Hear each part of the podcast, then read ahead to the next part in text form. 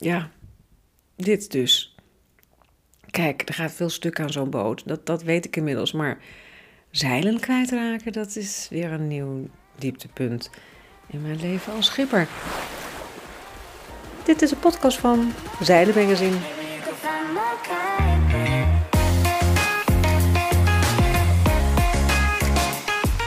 Van Noord schreef al over zeilen, maar nu praat ze er ook nog over. Te water, te water. Avalon ligt in het water, jongens. Toen is mogelijk weer een stap verder in hetzelfde seizoen. Ik heb dus een boot en die ligt dus nu in het water. Je zou zeggen, in theorie kan ik zeilen. Ja, theorieën. Mooie uitvindingen zijn dat. Uh, ik zal je even bijpraten over hoe het ging. En, dat is dan de aflevering van deze week. Oh ja, maar voordat ik dat doe, um, even, een, um, even een opmerking. Ik krijg van jullie, eh, lieve luisteraars, allemaal berichtjes over nou, dat jullie het leuk vinden. En ik krijg tips en adviezen. En um, mensen die zeggen: Oh, dat heb ik ook meegemaakt. En zo ging het bij mij. En dat krijg ik in privé-appjes en mailtjes en berichten, DM's. Allemaal superleuk. Maar zeg het in het openbaar. Dat, dat vind ik eigenlijk nog veel leuker. Gooi het gewoon online onder mijn Insta-post, als ik zeg dat ik de podcast online heb gezet bijvoorbeeld, dan kan de rest ook meegenieten. En misschien komt er dan discussie of misschien krijgen anderen dan jullie adviezen en tips ook mee. Dus vanaf nu is mijn privé-inbox gesloten voor de luisteraars. Gooi het online.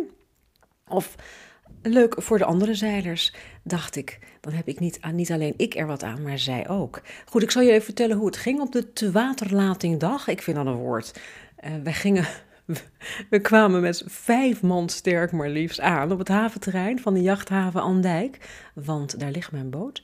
En waarom vijf man? Eigenlijk was helemaal niet nodig natuurlijk. Ik zie jullie nu knipperen tegen je iPhone. Van wat zegt ze nou? Vijf man om één boot en dan zo'n kleintje ook het water in te laten. Ja, het was inderdaad wel een beetje veel. En een gek gezicht. Ik heb een aantal keer staan kijken naar hoe die boten dan het water in gingen. En dan was er altijd maar één iemand bij. En dat was de schipper, maar nu was vijf man sterk. Nou, dat komt door mij. Ik ben nog steeds niet helemaal fit. Helemaal niet zelfs. Dat komt door mijn longontsteking, heb ik vorige keer verteld. Mijn conditie is nul. En mijn energie is ook niet veel meer van over. Kost gewoon even om te revalideren. En er zijn vier mensen zo ontzettend aardig en lief geweest om mij te komen helpen. En dat waren mijn steun en toeverlaat Rij Meijer en Anita Oskam. Altijd geweldig. En dit keer ook kwamen mijn broer en schoonzus, Michel en Saskia, helpen. En hun hond Diego. Maar daar hebben we eigenlijk niks aan gehad. Maar het was wel gezellig. Goed, dus wij kwamen met een half elftal het haventerrein op. Dus die zachte havenmeesters, de kraanmeesters, misschien wel even kijken. Maar ze hebben niks gezegd. Nou, stip twee uur werd Avalon in zo'n tractorachtig uh, uh, ding. Het is gewoon een echte tractor, maar dan met een soort... Heb je dat wel eens gezien, hoe die boten dan naar zo'n kraan worden gereden? Prachtig schuifsysteem waarmee je heel mooi bochten kan maken... en die boten dan om de hoek kunnen worden gereden en naar de, boot, en naar de kraan toe. En dat ging razendsnel. Dus het begin was goed, jongens. Het begin was, het was een uitstekend begin. Ik kan niks zeggen over het begin. Geen klachten over het begin. Maar toen, Goed, wij gingen de kraan in. De havenmeesters of kraanmeesters hebben die banden om zo'n om, de, om, om, om, het, om het boot heen gedaan en vastgemaakt. En toen hebben ze, terwijl de boot boven het water hing, de mast weer omhoog gezet. Dat ging supergoed, omdat ik net op tijd de mastbout weer had teruggevonden. dat zo Oh, mijn hemel. Toen aan, in het najaar die mast naar beneden ging. Je weet dan, als je dat wel doet, dan krijg je dus... Die mast kan naar beneden, dan krijg je een enorme mastbouw. Die moet je goed bewaren. Dat had ik niet gedaan, want waar was dat ding namelijk gebleven? We kwamen, Anita en ik kwamen in maart denk ik pas, ja in maart weer terug uh, op de boot die dus op de wal stond. En toen zei ze, wat ligt er eigenlijk uh, te slingeren zo... Uh, op dek. Bleek dus de hele winter die mastbouw daar gewoon gelegen te hebben.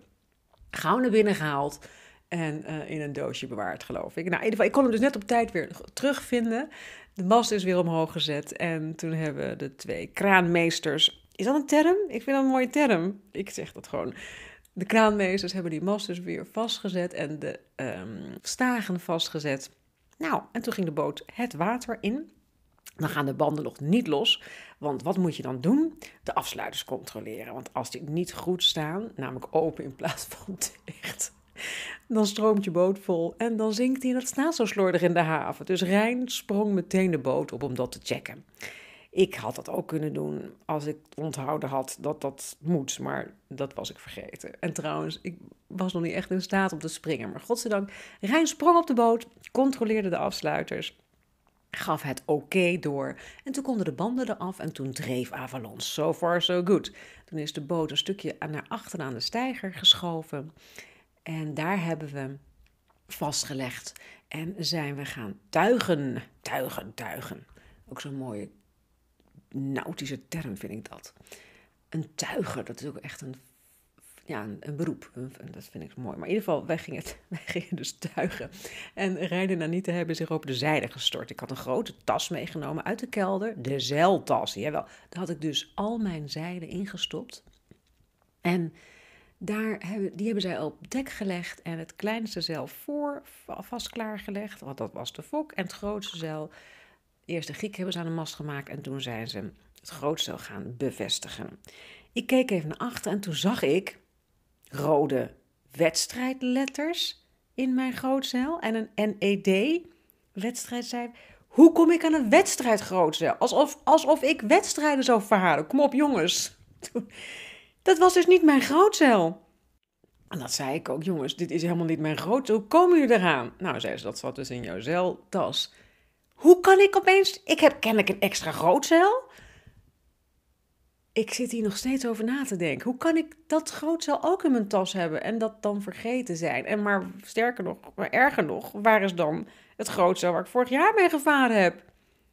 Maar het bleek dus dat het kleinere zeil dat zij alvast voor hadden klaargelegd, niet de fok was, maar mijn grootzeil van vorig jaar.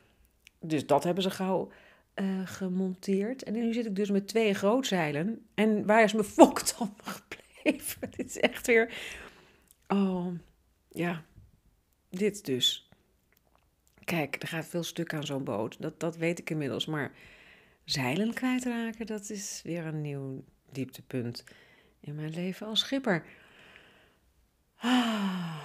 Trouwens, voor wie mijn verhalen meeleest over de boot in het bladzeilen, die hebben al meegekregen hoeveel er al inmiddels kapot is gegaan. Een stuk fok is gescheurd. En ik had inmiddels dus de stormfok in gebruik als, um, als, als soort reservefok. Ik ben nog op zoek naar een echt passende fok, jongens. Tweedehands graag, betaalbaar graag. Als iemand weet, een, een, een, een, nieuwe, of een nieuwe tweedehands fok voor mij. Dat dus past op een Beneteau First 26.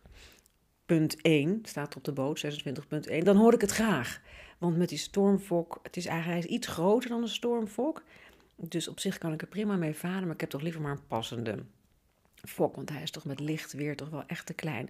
Maar goed, dus ik heb, als iemand meeleest, ik heb die fok vorig jaar gescheurd. en ik heb dus diesellekkage gehad enorme lekkage, waardoor er 3 liter diesel in de boot is, is geklotst. Opvoerpompje is kapot geweest, de waterpomp is gerepareerd, want die deed het niet meer. En oh, de zijstag is geknapt. Nou ja, ik heb dus al heel wat dingen meegemaakt, maar een zeil kwijt, dat kan ook op het lijstje. Goed, dus we, dat eh, kostte even wat tijd. Inmiddels zijn, waren de verstagingen aangedraaid en lagen wij dus nog steeds aan die steiger naast de kraan. En achter mij, in de kraan, werden inmiddels nieuwe boten gehezen en dan weer in het water gelaten. Die startten de motoren en gingen dan naar hun boksen. Ging allemaal heel verspoedig, zo zag het er bij anderen uit. En toen zei iemand tegen mij: Waarom start jij de motor niet even? Dus dat deed ik. En hij startte. Maar er kwam geen water uit. Uit de boot bedoel ik, uit de uitlaat. En dat moet, want mijn motor is een watergekoelde motor.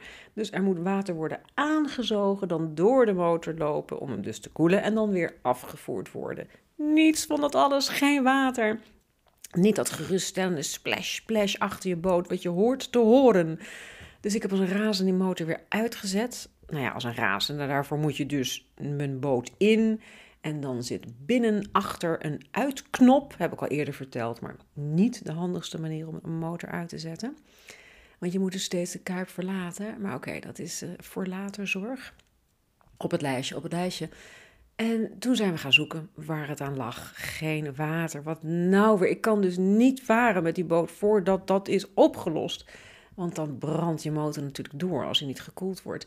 En, ehm, toen ontspond zich een, um, een tafereel dat meteen, meteen op mijn boot de niet-zeilers van de zeilers onderscheiden. En de niet-zeilers, dat ben ik dus kennelijk toch nog steeds. Ik raakte onmiddellijk in paniek. En oh, wat nu? Oh jee, wat gaan we doen? En weer een probleem. En hoe kan het nou? En de welzeilers, de rest van het gezelschap, ging heel rustig en kalm zoeken. Ze hebben allerlei dingen doorgekeken, geprobeerd te volgen of er misschien een verstopping was. Gekeken waar het aan kon liggen. En er is lang gezocht en gekeken en aangedraaid en losgemaakt en weer aangedraaid. Maar het hielp niet. Helaas, we konden er niet achter komen.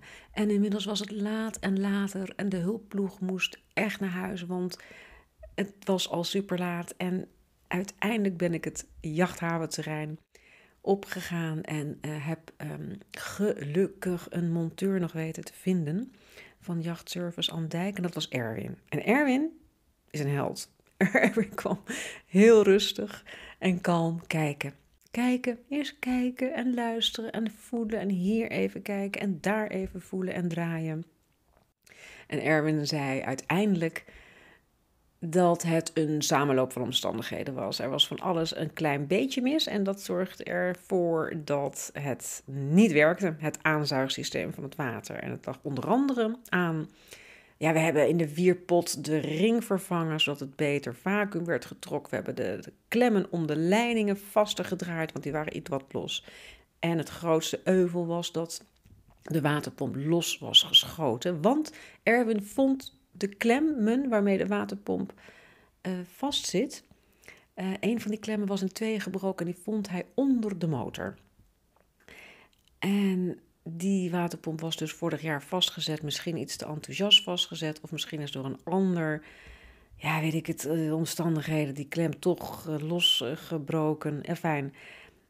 Erwin heeft de klem professorisch ehm, gemaakt. En toen was was mijn motor net goed genoeg, soort van half opgelapt, dat we konden starten. En ja, daar, daar deed hij het weer. Er kwam weer water uit. Dus de waterkoeling deed het net even goed genoeg, zodat wij, Rijn en ik, weg konden varen. Gauw de dingen in een box gepleurd, vastgelegd, niks meer aan doen.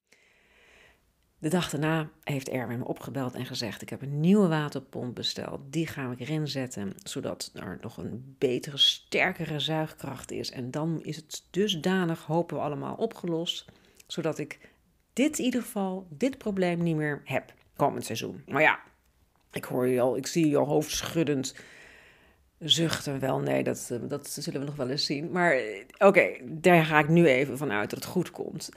En toen ben ik s'avonds, toen het inmiddels al echt avond was op de te waterlatingdag en alle hulpploegen naar huis waren, heb ik nog een tijd in de auto gezeten, deuren dicht, zitten, zitten. En daarna had ik me weer zelf een beetje bijeengeraapt om naar huis te rijden. Maar het komt goed. Erwin gaat een nieuwe pomp erin zetten. En dan gaat mijn motor het gewoon weer doen. Dus hoe ver staan we nu? Die boot ligt in het water, in een box. En ik zou dus in theorie, komen terug bij het begin, in theorie zou ik kunnen gaan zeilen. Zoals andere zeilers, zoals andere schippers die een boot hebben waarmee je gaat zeilen. Alle ballen op de praktijk volgende week. Drie hoeraatjes voor mijn hulpploeg en voor Erwin en voor alle mensen die mij zo super goed helpen. Ik leer veel, maar ik los het steeds nog niet goed op. Ik leer nu wat er fout kan gaan, hoe dat fout kan gaan. En de oplossingen zoeken, dat kost me nog steeds veel moeite. Volgende keer laat ik jullie hopelijk horen hoe de lijnen worden losgegooid. Ja, ja, er is altijd hoop, jongens.